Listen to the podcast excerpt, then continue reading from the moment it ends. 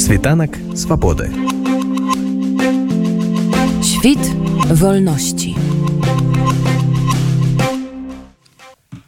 Ва ўкраіне дабрачынны фонд вільна беларусі адвакацкае аб'яднанне крыжанюскі ды партнеры Склалі мемарандум пра супрацу. Цяпер беларускія вайскоўцы гэтак жа як і іншыя вайскоўцы што ваююць у шэрагах узброеных сіл беларусі могуць атрымаць бясплатную юрыдычную дапамогу ад украінскіх адвакатаў. Дапамогуць украінскія юрысты і цывільным беларусам Праўда тут уже патрэбныя грошы але дзякуючы супрацы у фондаў беларускі грашовае пытанне Мачыма вырашыць праз фонда вільна Беларусь пра канкрэтныя напрамкі супрацоўніцтва таксама пра канкрэтныя кейсы такія як нашумела кейс ціхана клюкача якога служба бяспекі ўкраіны хацела дэпартаваць з краіны мы паразмаўлялі з адвакатам Сергеем крыжанівскім Падар Сергій я ведаю што паміж вашай арганізацыяй дабрачынным фондам вільна Беларусь складзена дамова пра супрацу згодна з якой беларускім вайскоўцам у складзе ўзброеных сілаў Украіны ды іншым беларусам якія знаходзяцца ва ўкраіне і маюць патрэбу юрыдычнай дапамозе можна звяртацца праз фонд да вас по такую дапамогу ці можете вы распавесці пра умовы гэтай супрацы і тое чаму вы вырашылі дапамагаць беларусам Ну по-перше я радий що ви до мене звернулися я дійсно є адвокатом ЗСУ Збройних сил України у нас є такий рух який під патронатом головнокомандуючого генерала Залужного і очолює цей рух екс-штатний радник Залужного, пана Залужного Євгенія Ребека. Зараз вона поза штатом, але була створена асоціація адвокатів ЗСУ і громадська організація. А я з свого боку є якраз і діючим адвокатом, ну і звісно займаюся питаннями ще журналістики. В нас є фонд благодійний, і якраз з паном Олексієм Францкевичем ми познайомились нещодавно, але я про нього багато чув. Знаю про вільну Білорусь, про цей фонд, про його дії, як він працює ще з 20-го року. Я знаю, що він в Україні і має посвідку на, на проживання в Україні. До цього часу він дійсно був дисидентом, мається на увазі, був переслідуємий в самої Білорусі цим президентом в лапках, взагалі це усатий таракан Лукашенко. Я хочу зазначити, що ми підписали меморандум про співпрацю, якраз фонд Вільна Білорусь і фонд Український країна Добродій. І якраз у нас є не просто наміри, а визначені позиції, де ми будемо допомагати. Ну, наприклад, наш фонд буде безкоштовно давати і залучати як фахівців права, так і інших осіб для того, щоб надавати допомогу всебічну. Це і правова допомога, і психологічна допомога добровольцям з Білорусі, які є патріотами Білорусі, але приїхали зараз в цю страшну годину і захищають Україну. Я точно знаю, що ми так само українці стануть, і наша армія буде захищати Білорусь, і буде відкритий другий фронт разом Україна і Білорусь, і будемо бити цього ворога, спільного ворога, агресора терористичного угрупування, яке має назву ще Російська Федерація. Магчыма вы уже знаёмыя з нейкімі праблемамі юрыдычнага кшталту з якімі сутыкаюцца беларускія вайскоўцы што бароніць украіну ў шэрагах узброеных сілаў Украіны Магчыма да вас ужо нехта з беларусаў звяртаўся і вы маглі б распавесці якія пытанні найбольш турбуюць наших вайскоўцаў вось у гэтай сферы У мене зараз є два кейси, які я веду по двом добровольцям з Білорусі. Вони пройшли такий тяжкий шлях. Вони були вимушені виїхати з Білорусі ще е, на початку цієї агресії е, в Україну. І ну, один із них, пан Тихон, він був е, визнаний міжнародною інституцією як е, політв'язень. Він був заточений в тюрму в Білорусі як активно має життєву позицію і захищав опозицію, і взагалі виходив на мітинги Так само пан Євгеній, який йому нещодавно виконалось 20 років, він вимушений був виїхати з Білорусі до Польщі. Там вони вдвох познайомилися, проходили навчання по бойовій мистецтві. Ну і звісно, приїхали вже в Україну і мають намір стати на захист збройні сили. Ну звісно, це білоруський є формування.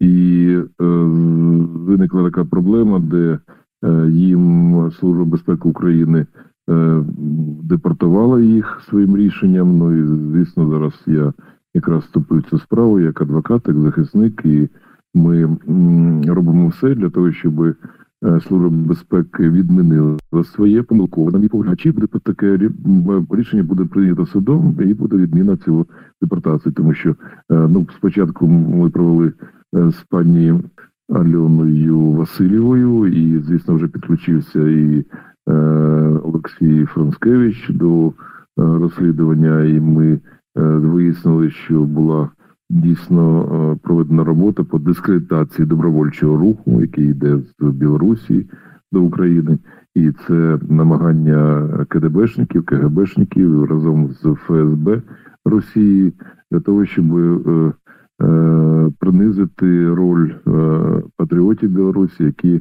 відстоюють свободу України. А звісно, ми будемо відстоювати свободу Білорусі. Тому зараз проводиться робота для того, щоб це все було не просто вже задокументовано, але воно було в просторі інформаційному, і ми надамо повністю всю інформацію. Зрозуміти ті, хто е, вирішує питання щодо таких речей по дискредитації, по намаганню е, цей рух принизити, то е, саме лучша дія це гласність, і в цьому випадку ми все робимо для того, щоб е, викрити оці всі незаконні і е, злочинні дії КДБ. Э, Беларусі та ФСБ калі вы ўжо закранули гэтыя кейсы ціхана і Евгена то дазвольце яшчэ раз удакладніць як бы акцэнтаваць увагу э, вы як юрысты абаронца добра знаёмы з гэтай справай можаце пэўна сцвярджаць што гэтыя нашыя хлопцы не вінаватыя ў тым што ставілася ім у віну і некаторымі нашымі землякамі і адпаведнай украінскай службай зрозуміло Андрій, зрозуміло, я коли беру справу, я її вивчаю спочатку, я проводжу правову експертизу, ми проводимо дослідження, і після того, коли ми впевнені, і знаєте, є таке поняття в юриспруденції, е, ми не просто там суддя приймає рішення е, за своєю за своїм переконанням. Так от я хочу сказати так само і адвокати. Е, я за своїм переконанням впевнений про те, що Е, ці молоді добровольці вони ні в чому не винні. Це по-перше, е, перед своєю країною Білорусію. По-друге, вони навпаки приїхали захищати, і тут їх е, зробили людьми, ті, які, начебто, Е, приїхали, мають зв'язки з КДБ. Навпаки, е, це люди, ті, які е, дали всі докази. Вони пройшли детектор, вони повністю розповіли все, як відбувалося. Мало того, у нас є докази свідків, і ми все це надамо суду. Ну вже надали, до речі. Тому все і служби безпеки України. І я впевнений, що рішення якраз буде на те, яке я озвучив, буде відміна депортації, вони будуть служити в Збройних силах України. Так само є інші особи, так, е, які е, так, е, які ну, мають якісь певні проблеми, то, будь ласка, давайте розповсюджувати інформацію, що є така група правова, Крижанівські та партнери, наш фонд країна добродій, фонд вольна Білорусь, і ми разом будемо допомагати всім, хто буде до нас звертатися. До речі, добровольцям безкоштовно.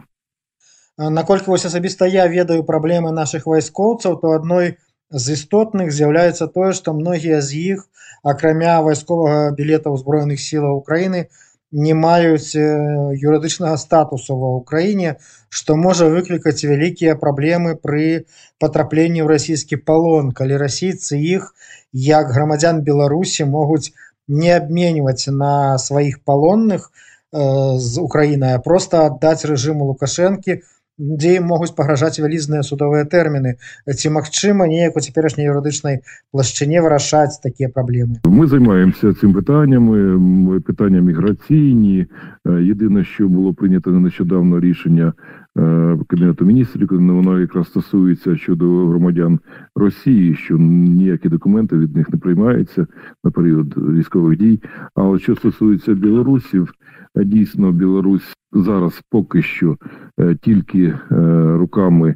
Ногами там чи діями е, цього ж псевдопрезидента Лукашенко, начебто, є нашим противником. Але я точно знаю, що він буде знищений, і армія Білорусі повернеться і буде на стороні України захищати свободу як України, так і свою. І до речі, сьогодні це озвучив і відомий політолог. Андрій П'янковський. Я хочу зазначити, що ми так само надавали інформацію. У нас інститут глобальної політики, це науково-дослідна установа, де ми маємо е, більше 130, е, ну вже 139 наших експертів в різних країнах, 76. Ми маємо е, точну інформацію, не тільки інсайдерську, а пряму, де ми маємо можливості е, Давати оцінку, робити аналіз, і я вам скажу, що нас е, в лютому чекають дуже великі переміни. І з цього приводу Білорусь повністю буде е, країною, яка е, разом з Україною буде йти е, і бити цього спільного ворога. Ну і дайце парады куды могуць звяртацца тыя каму патрэбная такая дапамога Э, ці гэта праз фонд вільна Беларусь ці шукаць недзе вашыя кантакты Вони є в інтернеті, е, можна набирати е, адвокатське об'єднання Крижанівські та партнери, е, благодійний фонд Країна Добродій. В нас ми знаходимося в місті Києві. У нас, до речі, по всій Україні наші партнери. Це 59 адвокатів, які працюють в кожному регіоні. У нас є наші партнери за кордоном, правники. Тобто, ми надаємо професійну допомогу. Адвокати це допомога, це не послуги. І з приводу е, легалізації, як в Україні, так і в інших країнах, ми будемо надавати допомогу білорусам, які е, відстоюють е, і е, права та свободи е, свої та своїх близьких. Ну і яшчэ раз увыкладню вы сказалі што вайскоўцам у тым ліку беларусам такая юрыдычная дапамога надаецца бескаштоўна Так, так. А якщо цивільні особи, вони до нас звертаються. Ну, звісно, зараз військовий час. Ми будемо е, є роз, розходна частина, де потрібно е, дійсно е, витрати нести. Це і купляти якесь паливо і таке інше, канцелярські. Ну, я думаю, що ми якраз з паном Олексієм. Франскевичем і говорили на цю тему, і ми будемо відшукувати можливості для того, щоб залучати кошти е, людей, ті, які будуть е, добросердні та допомагати таким, хто не має коштів. Ну і дійсно, це е, наша робота. е, Вона повинна бути е, е, оцінена е, якістю, а не грошима. Ну разом з тим. Е, Є фонди, ті, які будуть е, нам допомагати е, щодо надання допомоги в цей військовий час. А коли вже буде перемога, і вона буде, до речі, ем, до речі, не, не так довго ще її ну, повинні чекати, то людям будемо допомагати дійсно, коли будуть звертатися до нас професійно, вирішувати питання щодо переміщення. Я хочу зазначити, що я є головою Союзу міграційних адвокатів та консультантів України. Е, Це громадська організація, і ми проводимо дослідження. Більше 365 мільйонів людей в рік переміщаються, тобто мігр... мігрірують. Е, І, до речі, зараз військовий час е, ця цифра тобто майже один мільярд людей у світі зараз е, в ці е, часи е, переміщається. Є внутрішня міграція, а є міграція, та яка там, де проводяться бойові дії, то з України вже за нашими даними виїхало більше 12 мільйонів. До речі, і ну ті, хто повернеться, слава дай Боже, це буде кількість значна, але ми прогнозуємо, що 10 мільйонів залишиться на постійне проживання за кордоном. На жаль, Гэта вы маеце на увазе украінцаў так українці так. Е, коли Білорусь вступить у війну на боці України, то дійсно розуміло, що е, будуть агресивні дії Росії. і Там також почнеться дуже такий великий рух міграції. Ну але я е, так чи інакше, ми повинні е, разом вступити в Європу, разом побудувати е, дуже вільні, гарні країни, і люди будуть повертатися назад. Так що все попереду. Пра магчымасці юрыдычнай дапамогі беларусам ва ўкраіне распавядаў адвакат Сергій крыжаніўскі Світанак свабоды. Świt wolności.